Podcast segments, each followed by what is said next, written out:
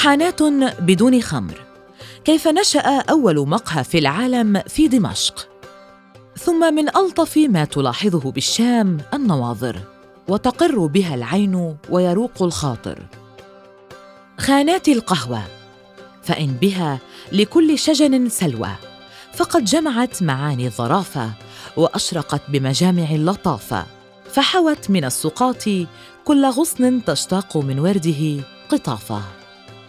هذا ما قاله الرحالة إبراهيم الخياري في وصف تلك الأماكن الجديدة التي سميت ببيوت القهوة والتي لم يعهدها من قبل أثناء رحلاته وزياراته في سائر البلدان. فالقهوة تلك النبتة التي تم اكتشافها في أثيوبيا في بدايات القرن الخامس عشر وانتقلت من اليمن ثم عبر الحجاز إلى دمشق تميزت بتاريخ ثقافي لا يمكن أن نجده في الشاي أو المتة أو غيرها من المشروبات الأخرى. ربما كانت طبيعة المشروب والهيئة التي كان يشرب فيها وراء هذا الاختلاف الواسع في الموقف من القهوة. والجدال الكبير الذي حصل بسببها والذي قسم الفقهاء بين مؤيد ومعارض لشربها خلال عدة قرون من الزمن.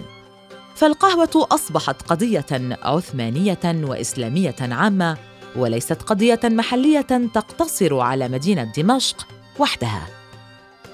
عندما وصل أمر شربها إلى السلطات العثمانية بدأت الفتاوى تصدر من هناك لتحريمها. ثم فتاوى أخرى لتحليل شربها واستمر الأمر هكذا لوقت طويل. لم تكتف السلطات العثمانية بتحريم شرب القهوة فقط بل أمرت بإغلاق المقاهي وحرقها. وفي فترة حكم السلطان مراد صدرت فتاوى بإعدام كل من يشربها.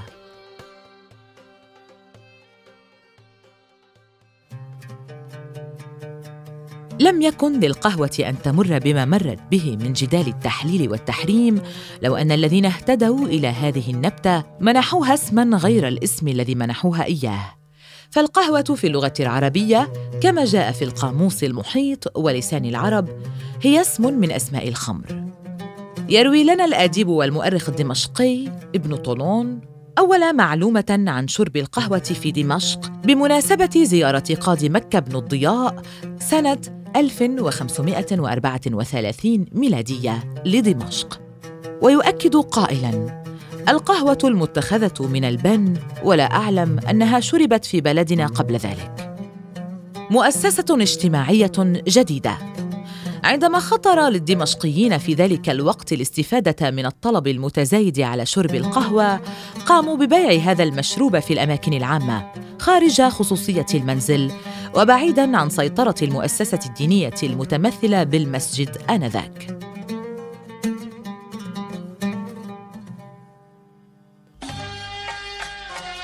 لم يخطر ببالهم أيضا أنهم مقدمون على خلق مؤسسة اجتماعية جديدة ستحدث مع الوقت تغييرا جوهريا في البنية الاجتماعية والعمرانية لمدينة دمشق. ظهور القهوة وطقوس شربها بالمقاهي لم يخلق صراعا مع السلطة الدينية فحسب وإنما مع السلطة السياسية أيضا. فالاجتماعات في المقاهي خلقت اجواء جديدة سهلت الحديث عن الأوضاع السياسية والاجتماعية عن غلاء الأسعار وعن مظالم الحكام وفسادهم. كما خلقت أجواء مناسبة للتامر على الدولة ورموزها.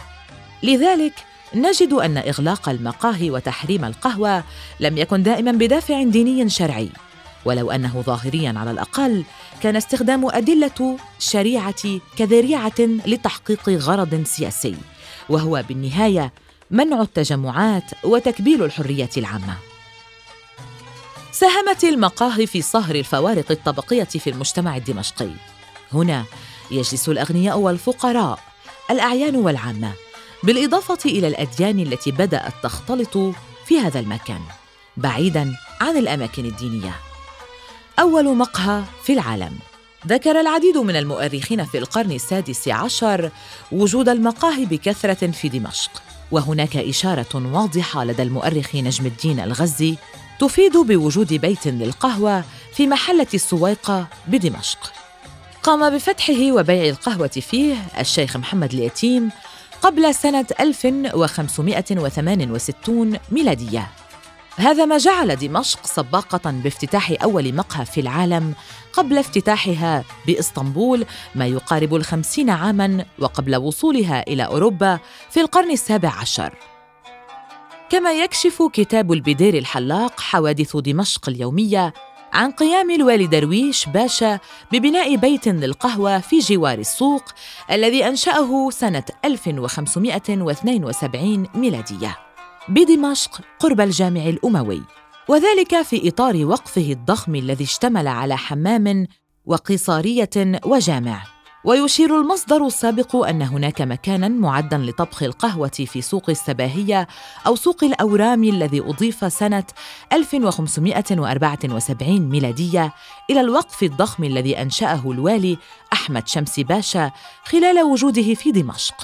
وتدل وثيقة حصلت عليها من مركز الوثائق العثمانية بدمشق تحمل تاريخ العام 1596 ميلادية على أن والي دمشق سنان باشا أوقف ثلاثة مقاه على منشآت دينية.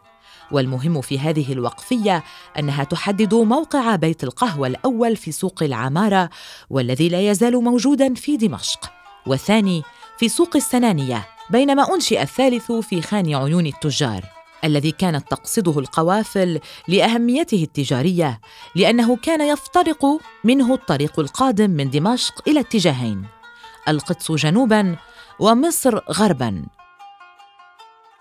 حانات جديدة أبهرت المستشرقين. جذبت مقاهي دمشق بجميع مقوماتها الرحالة العرب والمستشرقين ليكتبوا عنها.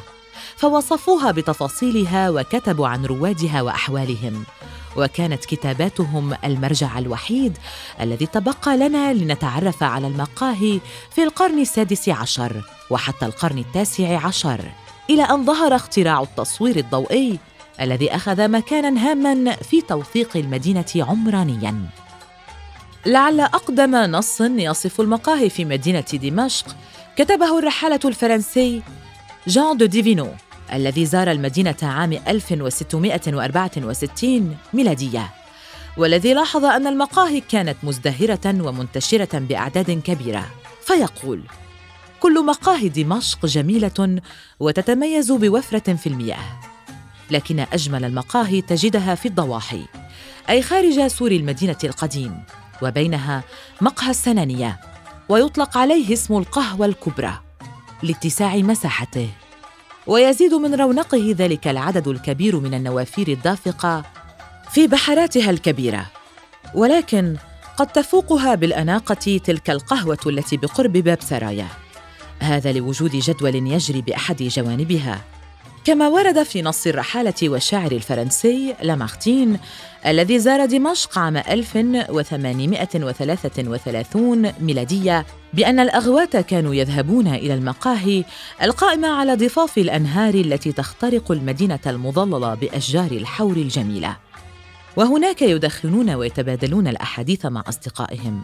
وذكر أيضا أن المقاهي تشكل وسيلة التواصل الوحيدة المتوافرة لسكان دمشق باستثناء المسجد وهناك تطبخ في الخفاء تقريبا الثورات المتكررة التي تسفك دماء أبناء العاصمة.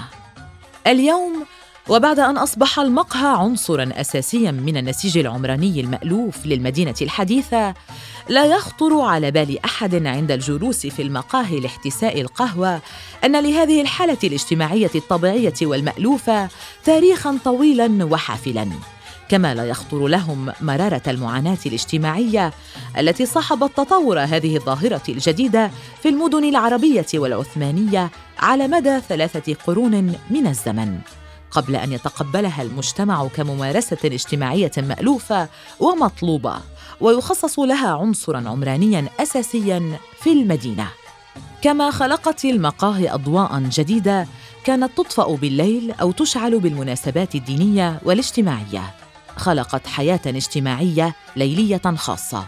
أضاءت معها أسواق المدينة ومقاهيها لساعات متأخرة من الليل.